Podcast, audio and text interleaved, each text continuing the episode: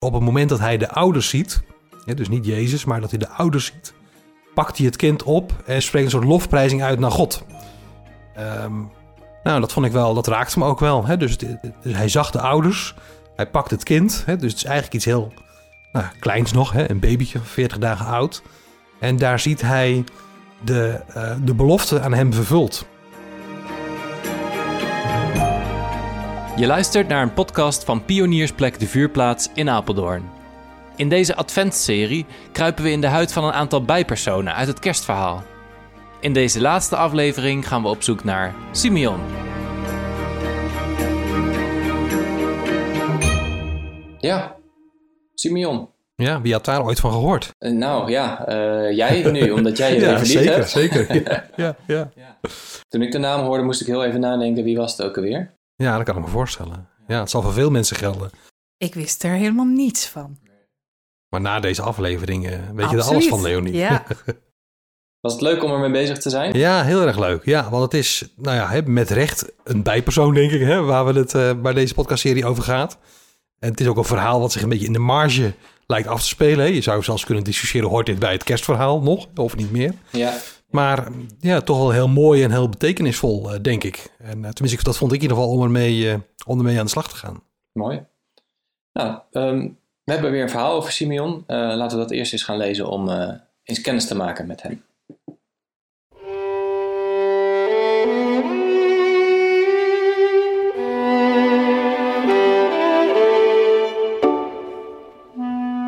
De laatste aflevering op zoek naar Simeon. Dat je daar nog nooit van gehoord hebt, kan ik me goed voorstellen. Wie is Simeon en welke rol speelt hij in het kerstverhaal?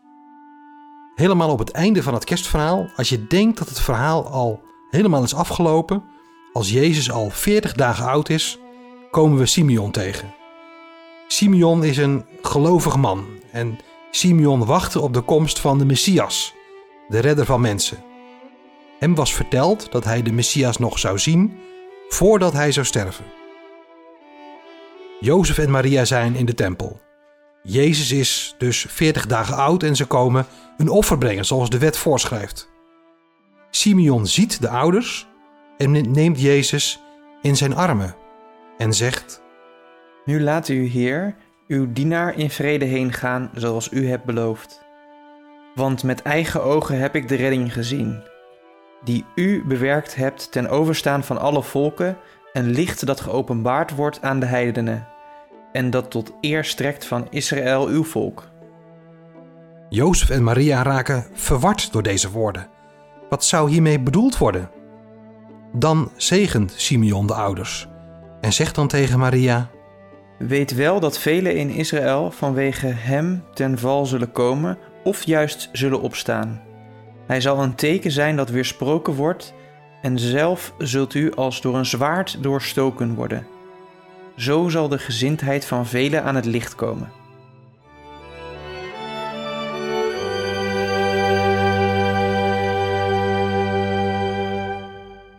Nou, dat over Simeon.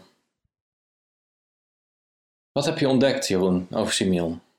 Nou, wat ik net al zei, dat het natuurlijk wel bijzonder is dat het een, het, is een, eh, ja, een verhaal in de marge. Hè? Als je denkt dat het kerstverhaal al bijna is afgelopen, komen er eigenlijk nog twee hele kleine eh, verhalen, waaronder deze van, eh, van Simeon. Ehm, nou, er zijn verschillende dingen die mij opvielen. Hè? We lezen dat hem verteld was, hè? dat hij de Messias nog zou zien voor hij zou sterven. Ja, dat spreekt natuurlijk ook wel tot de verbeelding. Hè? Hoe dan precies? We hebben afgelopen afleveringen veel eh, gehoord over dromen, over Engelen? engelen inderdaad. Ehm, nou, dat, dat weten wij niet. Hè. Hem was dat dus verteld. En ehm, wat ik wel ook aardig vind aan het verhaal, hem is dus iets verteld, maar hij heeft zelf ook iets te vertellen. Aan het einde, wat we net, eh, wat we net lazen, wat Willem net voorlas, ehm, ja, heeft hij ook een soort, eigenlijk een boodschap, hè, een soort voorzegging als het ware voor de wereld. Dus dat, ehm, nou ja, dat vind ik wel eh, bijzonder. Ook wat opvalt is dat we hebben de eerdere aflevering hebben we natuurlijk, eh, het gaat over Jozef en over Elisabeth. En eh, zo kwamen we natuurlijk ook wel te spreken over Maria. Maar dat de ouders eigenlijk heel erg verbaasd zijn hè, wat ze horen. Ehm, dus dit, nou ja, ze horen in ieder geval dingen die ze blijkbaar nog niet wisten of nog niet konden bedenken dat dat over hun zoon, over Jezus eh, zou gaan. Ehm, Terwijl hen toch wel al verteld was Precies. dat het een bijzonder kind was. Ja, ja. Dus je zou dan kunnen zeggen dat het kwartje pas viel bij Simeon misschien? Of, Ja, misschien. Ja, dit, dit is wel volgens mij echt de eerste keer dat het ze zo duidelijk verteld wordt. ja. eh, wat ze te wachten staat. Hè? Misschien nog wel een beetje in, eh, in beeldtaal.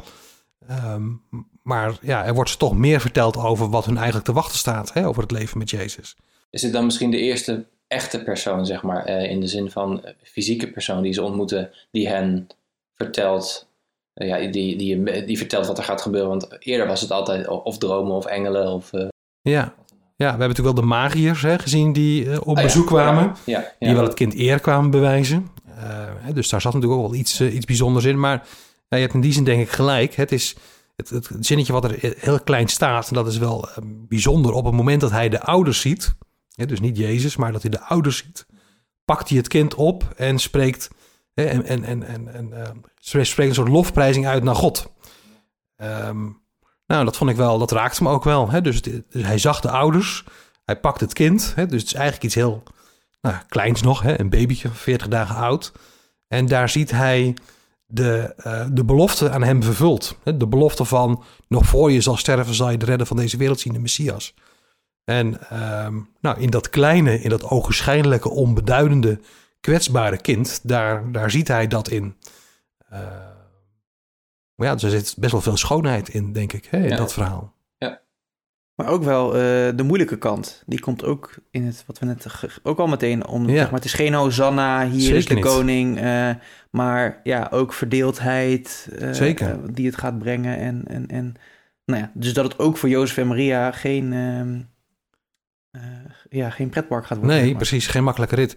Nee, ja, de keuze van mijn lied, straks zo dadelijk iets over vertellen, heeft daar ook wel mee te maken. Ehm, ja, dus dat, is- dat is bijzonder. Hè? Dus, dus eh, hè, in dat kleine, dat kind, ehm, ziet hij dat.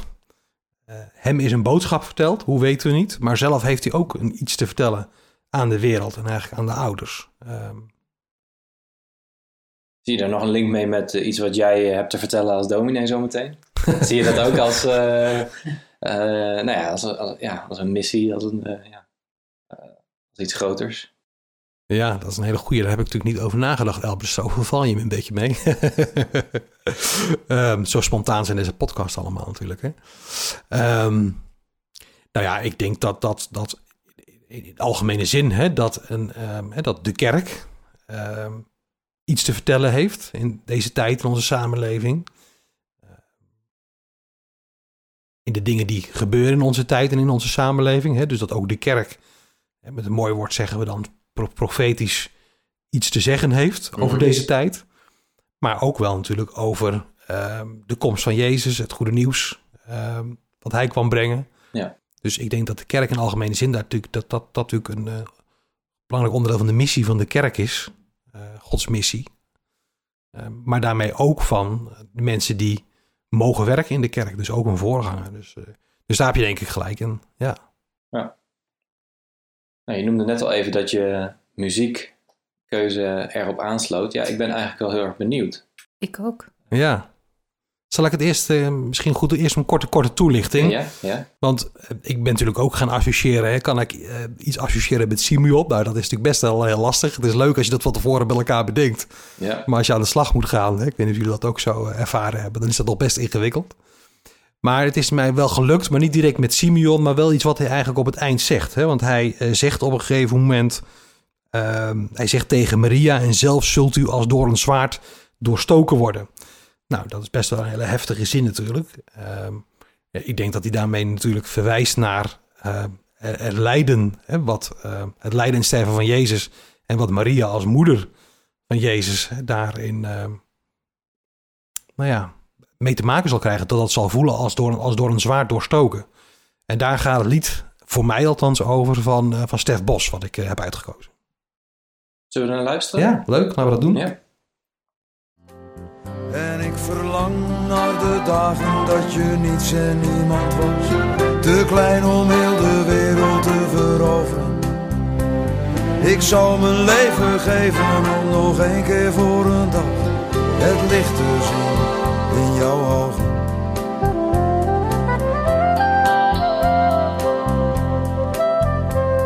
Ze noemen jou een koning, Ze noemen jou een bedelaar. Lied van de moeder. Van Stef Bos. Waarom heb je hiervoor gekozen? Nou, ik vind het sowieso een heel mooi nummer, hè? maar dat is niet voldoende reden natuurlijk. nou ja, omdat eh, Simeon in zijn, ehm, zijn laatste woorden aan Maria iets eh, voorzegt. Dat zwaard, hè, waar ze door, doorstoken zal, zal worden. En dat verwijst denk ik naar eh, ook, ook haar lijden, hè? als haar zoon zal lijden en zal sterven. En dat wordt hier in, bezongen. Het wordt gezongen eigenlijk vanuit het perspectief van de moeder, hè? vanuit het perspectief van Maria. We hebben het in een van de vorige uitzendingen volgens mij ook al gehad. Hè, dat door zo je in een andere persoon te verdiepen. Dat de mensen veel meer. eh, dat je er veel een gevoel bij krijgt. Er komt wat vlees en bloed aan, om het zo maar te zeggen. Je gaat je ermee identificeren. Eh, zelfs in Herodes konden we ons op een bepaalde manier. eh, zelfs een beetje herkennen. of bepaalde trekken daarvan. En dit maakt. Ja, Maria. Dat, dat is niet de bijpersoon waar we het over hebben. Maar dit maakt Maria natuurlijk, denk ik, heel, heel menselijk. Ja, die Simeon is natuurlijk wel echt de, de, de man die deze boodschap Ja, brengt. Ehm, het is niet echt een. Het is een. Ja. Enerzijds een hele blije, goed nieuws boodschap, maar ook wel echt met die donkere kant en het lijden zeker. Ja. daarin. Ehm, daar kun je natuurlijk wel afvragen hoe dat ook moet zijn, omdat de maar slecht nieuwsbrenger, ja, dat is ehm, niet de allerfijnste job om. eh, om te- Nee, nee, precies. Nee, dus eigenlijk alles zit daarin, hè, in die boodschap. Hè? Het hele leven, lijden en sterven van Jezus, maar ook het lijden van de moeder. Eh, tenminste, zo heb ik het in ieder geval gelezen. En zo heb ik dat eh, op me in laten werken. Het is een beetje zo'n moment waarop ze weer, denk ik, com- compleet in de war wordt gebracht. Daarvan, eh, en zich begint te realiseren wat voor bijzonder kind het is. Ik moest in één keer denken aan een ander stukje waar, als Jezus ouder is, eh, ook iets zegt tegen Maria. Volgens mij eh, was hij in de tempel, was Ja. hij kwijt. Ja. En dan zegt hij van, ja, maar ik moest toch, eh, ik moet toch zijn waar mijn vader is of zo. Huis van mijn vader. Ja. Ja. En dat ze daar ook dan weer helemaal van in de war is en niet weet van, hè, maar wat bedoelt hij daar nou mee? En ik, ik denk dat inderdaad eh, misschien Simeon ervoor gezorgd heeft dat ze voor het eerst eh, echt daar weer bewust van werd. En er zullen waarschijnlijk nog wel veel meer plekken zijn in de Bijbel waar Maria in de, in de war wordt gebracht door Ja, dit soort uitspraken. Ja. ja, hè, de zin om nog één keer voor een dag het licht te zien in jouw ogen. Hè? Dat is toch een hele... Nou ja, daar voel je wel een klein beetje haar lijden.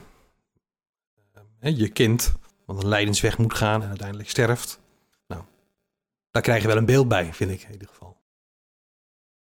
Kreeg je een eh, gevoel bij eh, wat voor iemand Simeon was? Want we hebben, we hebben natuurlijk. eh, ja, Simeon is de bijpersoon van Ja, vandaag. ja we hebben het over Simeon, ja. maar dat is niet erg. Maar, Ja. maar ik, ik, ik krijg nog niet echt een beeld van wie hij was of zo. Er staat, ja, hij was een gelovig man. En nou ja, ik denk, ja, hij, hij, hij werkt in de tempel. Nou ja, oké. Maar ehm, Ja. Nee, eigenlijk heel beperkt natuurlijk. Hè? Ehm, hè, dat, dat hij een boodschap hoort, dat hij blijkbaar het vertrouwen of het geloof had. Hè? Dat dat, dat, dat eh, bewaarheid zou worden. Hè? Dat hij nog voor, voor hij zou sterven eh, de Messias zou zien. Maar over, over hem als persoon eh, komen wij voor de rest natuurlijk niet zo heel erg veel te weten. in ieder geval weer heel erg toegewijd inderdaad. Devoot. ja, zeer. Ja. inderdaad. Ja. Ja. Maar wel minder eh, het lulletje rozenwatergevoel wat we dan bij, eh, bij, eh, bij Jozef soms hadden, zeg maar. Bij de andere mannen in Ja. ons verhaal. Ja, ja. Ja. ja, dat is misschien wel waar. Ja. Ja. Ja. Ehm, een Simeon in deze tijd. Ben je daar achter gekomen? Ja, nou dat was natuurlijk inderdaad ook alweer toch een heel, bij jullie, Ja. ook een hele lastige vraag. Hè? Dat is toch leuk dat we dat met elkaar zo bedacht hebben van tevoren. Maar als je dan ja, mee aan de slag moet, dat dat veel lastiger is dan je op voorhand denkt. Maar ik heb er toch denk ik wel één eh, gevonden. Ehm, als aanknopingspunten heb ik eigenlijk gebruikt. hè, Simeon heeft iets gehoord. Een stem, een droom, een engel, dat weten we niet. En gaat later zelf ook verkondigen. Dat zien we dat hele kleine stukje wat wij eigenlijk lezen in de Bijbel. En dat zag ik ook terug op een andere manier. Ik zal zo uitleggen hoe bij die jonge klimaatactivisten uit Zweden, Greta eh, Thunberg, Oh ja. die op, eh, op jonge leeftijd, en of nou 14, 15 of zo, dat weet ik niet precies. Maar is ze op een gegeven moment gewoon een keer in er eentje, of mij op een vrijdag, eh, zonder toestemming van school, zonder toestemming van haar ouders gaan staken. Dus ik neem aan dat ze, nou ja, ze heeft zich geroepen gevoeld op een of andere manier om dat te gaan doen. Dus het is heel klein begonnen. Uh, en dat is natuurlijk uitgemond in iets heel erg groots. Zij is een, en, en uh, er zijn allerlei mensen die daar van haar iets vinden, denk ik. Maar het is toch wel een hele uitgesproken profetisch spreker. Uh, ja. Als het gaat over haar tijd- en generatiegenoten, hè, waar veel zorg voor is. Het gaat om het klimaat. Hè, en die twee natuurlijk verbonden met elkaar. Dus waarom ik die koppeling eigenlijk zag, enerzijds uh, zelf een stem horen, maar ook een stem zijn voor de wereld. Mm -hmm. uh, en in iets wat misschien heel klein begint, hè, net zoals Simeon de ouders ziet en dat 40 dagen oude kind beetpakt en God begint te loven. Nou, dit begon ook heel erg klein en nou, het is een bekend spreker en uh, ja, ja, zeker. menig wereldleider heeft ze natuurlijk al gesproken. Ja. Dus ik vond, zag wel iets terug van Simeon in uh, dat kleine meisje uit Zweden. Ja. Niet, niet zijn de Pippi Langkous. Nee, nee, nee, nee. Ja, tof dat het je gelukt is om, uh, om eindelijk echt iemand, Toch nog een beetje, iemand te ja, vinden wat ja. de opdracht was. Ja. En ik vind het ook wel mooi dat uh, aan de vergelijking met Greta Thunberg... dat ze ook echt een slechte boodschap vertelt. Dus heeft, zij heeft een, een uh, bepaalde status verworven en kan op al die klimaatdingen spreken. En weet je wel. En dan meepraten met de mensen van de macht is eigenlijk een hele makkelijke keuze. Dan, of ook te kijken om misschien een beetje hoofdvol te brengen. Maar ze kiest echt voor die activistische rol. Maar ook die slechte boodschap. En Simon moest ook die van hè, het ook laten weten van het schuurt en het gaat niet goed. En er gaat allemaal pijn ook bij uh, zitten. Dus dat vind ik echt wel een mooie, mooie, mooie vergelijking. Ja. ja, dat is waar. Ja. ja. Ja, het is ook controversieel hè, wat ze doet. Hè. Je hebt gelijk, hè. ze is niet mainstream uh, geworden of iets dergelijks. Ja, dus je hebt, daar heb je gelijk. En ja, het, het, het is ook die schurende boodschap die zij uh, verkondigt. Ja. Mooi. Leuk. Nou, zijn we toch weer wat wijzer geworden over Simeon. Ja. En over de moderne Simeon, namelijk ja. Greta. Ja. um, we hebben nu vier personen in vier weken behandeld. Bijpersonen. Uh, ik vond het heel interessant. Ik weet niet, uh, ik, ik, ben echt verrast over de verhalen die we eigenlijk zelf ontdekt hebben met z'n allen. Uh, vonden jullie dat ook? Ja, absoluut. Ik wist eigenlijk weinig. Ik lees geen Bijbel. Ik ben katholiek opgevoed. Um, heb nog nooit een Bijbel gelezen. En uiteindelijk, ik ken het kerstverhaal wel. Maar dit is toch wel een stuk verdieping. Ik vind het erg leuk. Ja, het is mij niet echt gelukt om echt een goed antwoord op wie is Herodes. En ook bij die andere vond ik het moeilijk om, om te bedenken. Dus eigenlijk, we hebben het onszelf een te lastige vraag uh, gesteld. Maar ik vind de gedachteoefening om je echt, echt te verplaatsen in iemand. Uh, en te bedenken van, wat zal diegene gedacht hebben? Dat vond ik wel echt heel leuk om, uh, leuk om te doen. En leuk om met jullie dat te bespreken. Ja, ja. Ja je had met Herodes natuurlijk ook wel een hele lastige, hè, denk ik. Maar het helpt wel natuurlijk om toch op een andere manier, een ander perspectief weer naar dat kerstverhaal wat je zo vaak gehoord of gelezen hebt, uh, te kijken. En doet je ook wel beseffen dat er heel veel personen zijn in de Bijbel waar we niet zoveel van weten. Ja. Bij al die personen heb je toch het idee, maar ja, wie is die Simeon? Weten we nou nog wat meer over die? Of met Herodes had ik dat ook. En uh, nou ja, Jozef die zegt helemaal niks. Nee, weet je wel? Dus, nee, dus dat, ja. dat je, uh, ja, zo zijn er ja. zoveel personen in die Bijbel ja. waar we eigenlijk weinig van weten. Ja. je leest er zo overheen eigenlijk, terwijl je, nou ja, al toch wel gezien hebben dat je er tijd aan besteedt. En eigenlijk je probeert met je gevoel erin te verplaatsen. Hè, wat dat nu uh, betekend heeft voor hem of haar. Of welke rol hij of zij vervuld heeft. Dan uh, geeft dat wel wat meer kleur. Ja, zeker. Het maakt die mensen ook wat menselijker. Ja, ja het waren ook gewoon mensen in een bepaalde tijd. En ik vind het wel mooi om daar uh, nu ingedoken te zijn, inderdaad. Dank jullie wel. Dan ja. sluiten we de keukentafel af.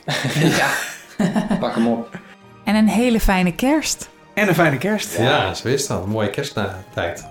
Fijne kerstdagen. Dit was een podcast van Pioniersplek De Vuurplaats in Apeldoorn.